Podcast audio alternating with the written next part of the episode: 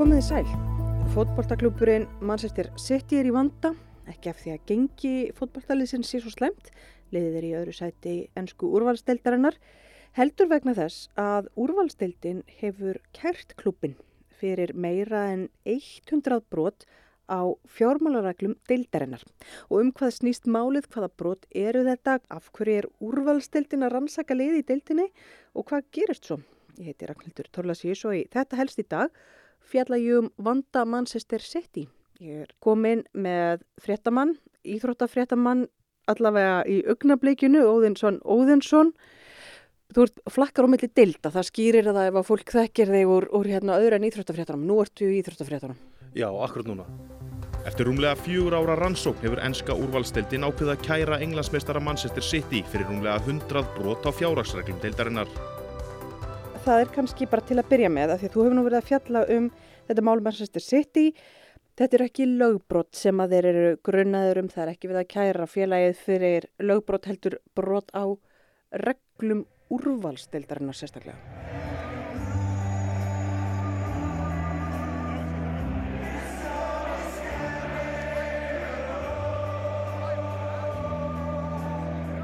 Já, það er rétt. Það er ekki lauruglan sem er að kæra félagið, heldur deildin sem að félagið er svo sem hluti af og er einn af eigandum að það er svolítið sérstakur vinkill á þessu máli líka að þeir svona að kæra hluta sjálfum sér, enska úrvalsdeildin.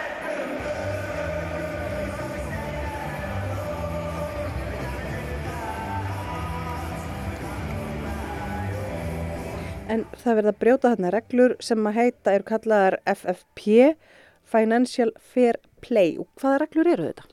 Financial Fair Play reglur sem að voru settar af knastmyndusamöndi Evrópu uppálega og þessar reglur sem eru í gildi í ennskúrústildinu eru svona heimfærða reglur þangað. Þetta var sett til þess að sko Það er náttúrulega, við þekkjum öll reglurnar í fókbalta, það má ekki taka með hendi og það er ákveðin kassi og svo eru, var ákveðs þetta reglur utanvallar. Mm. Fókbalti varð kannski svona á, á þessu sviði, fór að vera svona íþrótt, eins og reynda margar aðri íþróttir, en ríkir kallar fóru að sjá fyrir sér í hyllingum að eiga fókbaltalið mm. og kannski svona upplifa einhver draum að þetta er svona smá eins og að spila töluleik mm. og til þess að koma í veg fyrir það að þessi ríku kallar gætu stitt sér leið að velgengni í fókbóltanum og titlum og bara raunni keft sér fram fyrir röðina voru þessar reglur settar til þess að reyna að koma í veg fyrir og reyna tekið mjög mikið út fyrir sögja því að það eru vissulega ríki kallar sem eiga öll þessi lið og eru margi hverjir í þessum svona, var fókbaltarleikur sem hétt fútbólmanager sem að ég spilaði sjálfur sem krakki og þá, þá stýrði maður öllu og þeir eru svolítið í því þessir, þessir kallar. Þetta gengur sér þá út á það, hugmyndin er að reyna að vera með einhvers konar græsrótarstar sem að þetta sé börn sem að spila í fótbolta og vaksi upp í fótboltaliði og verði sér frábæri fótboltamenn og vinni tillana þannig. Það er einhver svona hugssjón þarna baki þó að kannski veruleikin sé annar. E, já og það, það er svona eins og þú segir svona fallega hugsunin og, en, en þetta þetta er bara veruleikin. Núna er þetta þannig að þetta er bara business ef, við, ef maður nota það orð og þessar reglur í raunni takmarka svolítið hvernig fókbaltæðilið getur vaksið og, og, og það er ætlast til þess að félag vaksi á eðlan hátt þar segja bara stækja ár frá ári, fái fleiri fylgjendur, fleira fólk á völlin, selja fleiri treyjur.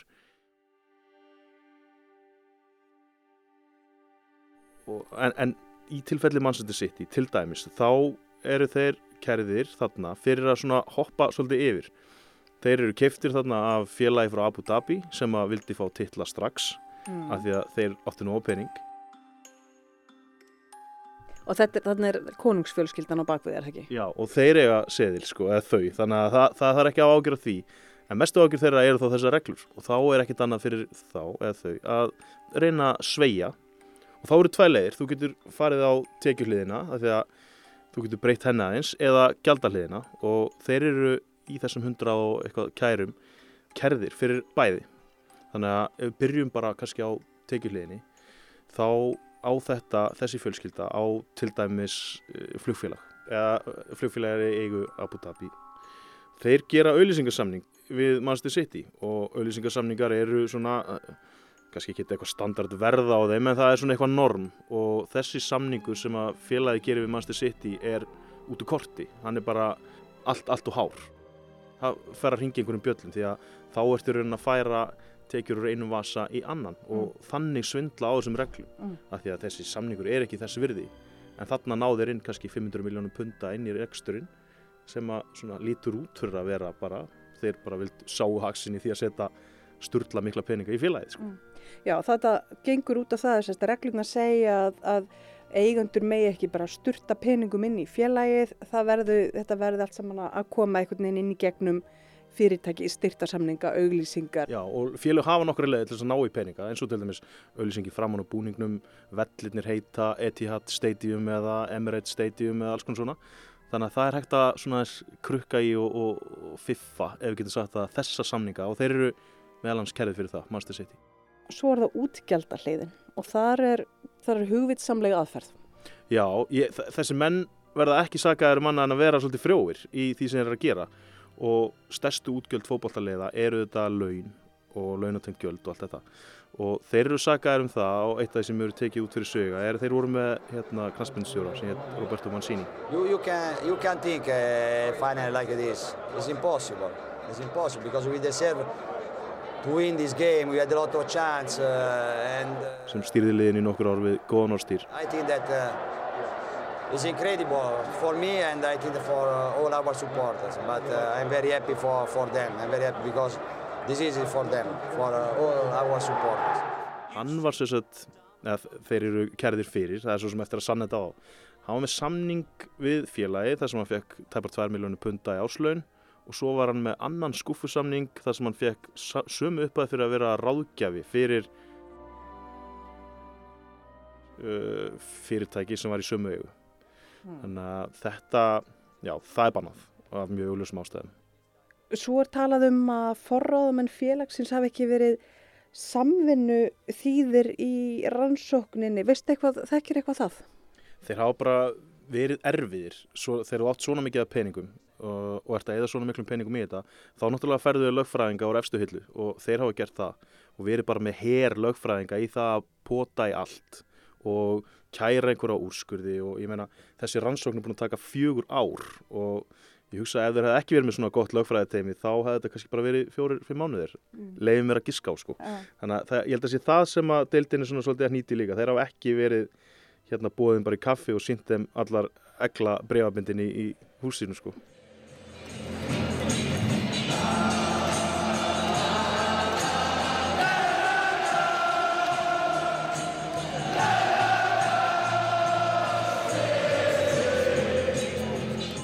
En hverjir eru þessir eigundur og svona hvernig er eignarhaldið á bakvið lið? Það er stórt félag sem að á liðið raun og vera, er það ekki?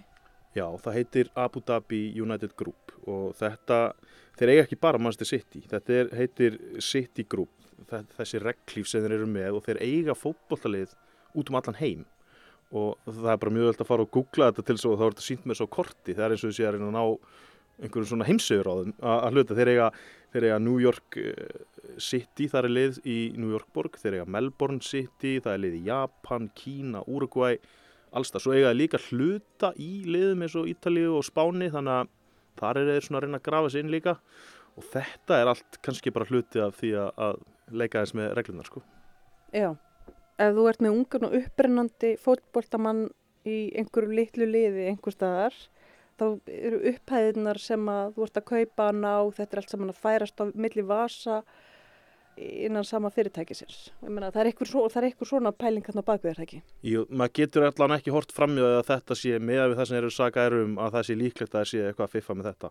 Það er svo sem ekki komið fram en það vantar í, þetta eru 105 kærur og það vantar svolítið ennþá smáadriðin og við erum eftir að sjá aðeins meira, það er bara búið að draga út svona þetta helsta og ég, ég kemur ekki óvart að þetta stóra eignarhald yfir þessum fjölmörgu félögum tengist eitthvað inn í þetta og eins og þú segir þegar það eru leikmenn, góði leikmenn í öðru liðum hvernig þeir eru að fara á milli og hvernig sko þú getur líka sett tekjur yfir á litla liðið þitt með að selja leikmenn allt og dýru verði sko Mm. þeir eru að fara úr vasa A í B að menn séu mjög fljótur að misnota þá aðstæður Það er ekkert hægt að horfa fram hjá því að þetta hefur virkað.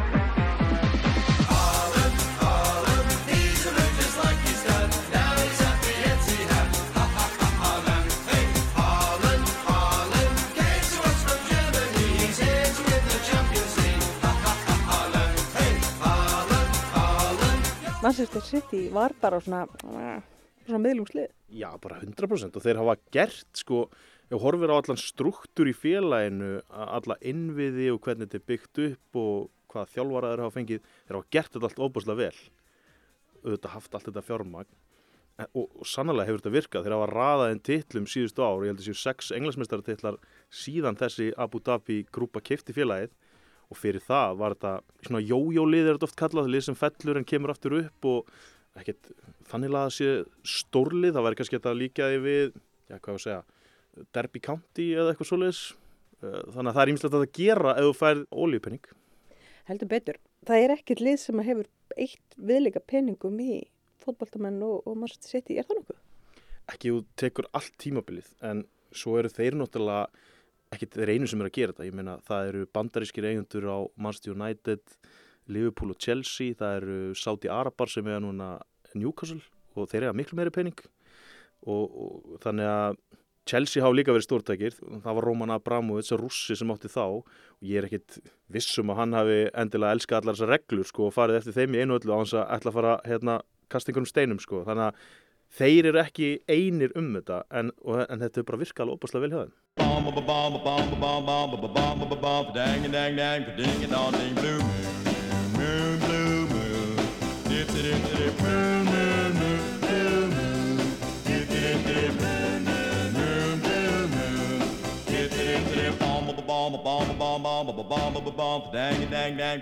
Og þú nefndir hérna áðan að þá er þetta svo sérstakt. Úrvalsteildin er náttúrulega bara fyrirtæki og þeir sem eiga fyrirtækið eru fótbolltafélagin sem að spila í fyrirtækinu, í deildinni. Svo er úrvalsteildin að kæra þetta tiltekna félag til nefndar og hvað gerist svo? Þetta er eins og þú segir, mér langar pína líkið sem við eins og ennska úrvalsteildin sé bara blokk í breyðvaldi og hún sé að kæra einn af íbúunum og það er svolítið verið rætt sko varandi refsingu og annað munið þetta lækka fastegna verið á blokkinni skiljur það, það, það geti verið hérna, einhver samlíking, kannski hræðileg, ég veit það ekki. En það sem gerist næst er að það mun óháðnemnd samt á vegum ennskúrasleitarinnar taka öll þessi gögn, öll að þessa fjagur ára vinnu og skoða öll þessi smáatrið sem við sjáum ekki. Leggja mata á það og ákveða refsinguna. Og refsiraminn að því að þetta ásir enga hliðstæðu í ennska boltanum þannig að menn hafa svolítið verið að fabulera um refsinguna og ég held að það sé algjörlega ótímabært því að það veit enginn. Þú veist, þú getur sagt að refsiraminn sé frá því að borga eina miljón punta í sekt yfir það að vera rekninir í neðstudelt þannig að það er eiginlega ekki hægt að segja sko hvað verður um þá. En eina sem þetta er að segja er að þeir munu berjast á mótið þessu með kjáft og klóm með allir svona peninga og allir svona lögfræðinga. Þannig að þetta mun taka hellingstíma og það mun ekkert komið ljósa þessu keppnistímambili held ég, hvað verður um sko. Nei, þannig að City heldur bara áfram að spila og geti orðið englansmestrar aftur. Já, já, það er mér ekki það ólíklegt, en svo kannski eins og einhverjir er að vona, einhver sem að töpuðu fyrir þeim úslítalegjum eða lendi í öðru seti 2015-16, það er alveg dæmi um það að titlar hafa verið teknir af liðum afturvirt. Mm. Þannig að nú hafa til dæmis hérna, einhverju leikmenn eins og ég sá brasilísku leikmaður sem var í Liverpool sem heitir Lukas Leiva, þeir voru mikill í baráttuðan eitt tífamblið, hann sett á Twitter er ég nú norðin englansmistari þannig að það hlakkar í einhverjum og einhverjur vilja þetta bara að þeir fari alla leiðir efsingunni og bara hyrða þeim allt og hendi þeim niður í, í ræsið sko en þá kemur aftur að þannig er eigandin að kæra hluttáan í raun og það er kannski ekki tvola gott fyrir ímynd deldarinnar að þetta geti gæst þarna þannig að mögulega fara það einhverjum miljón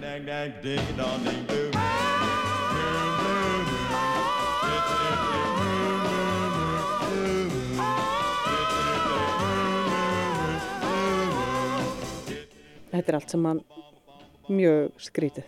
Já, bara skrítið og loðið og fröðlegt og líka bara því að það er enginn fordæmi. Þess vegna er þetta allt bara ef og hefði og allur sápakki sko. Þakka þér, Óðinsson. Óðinsson.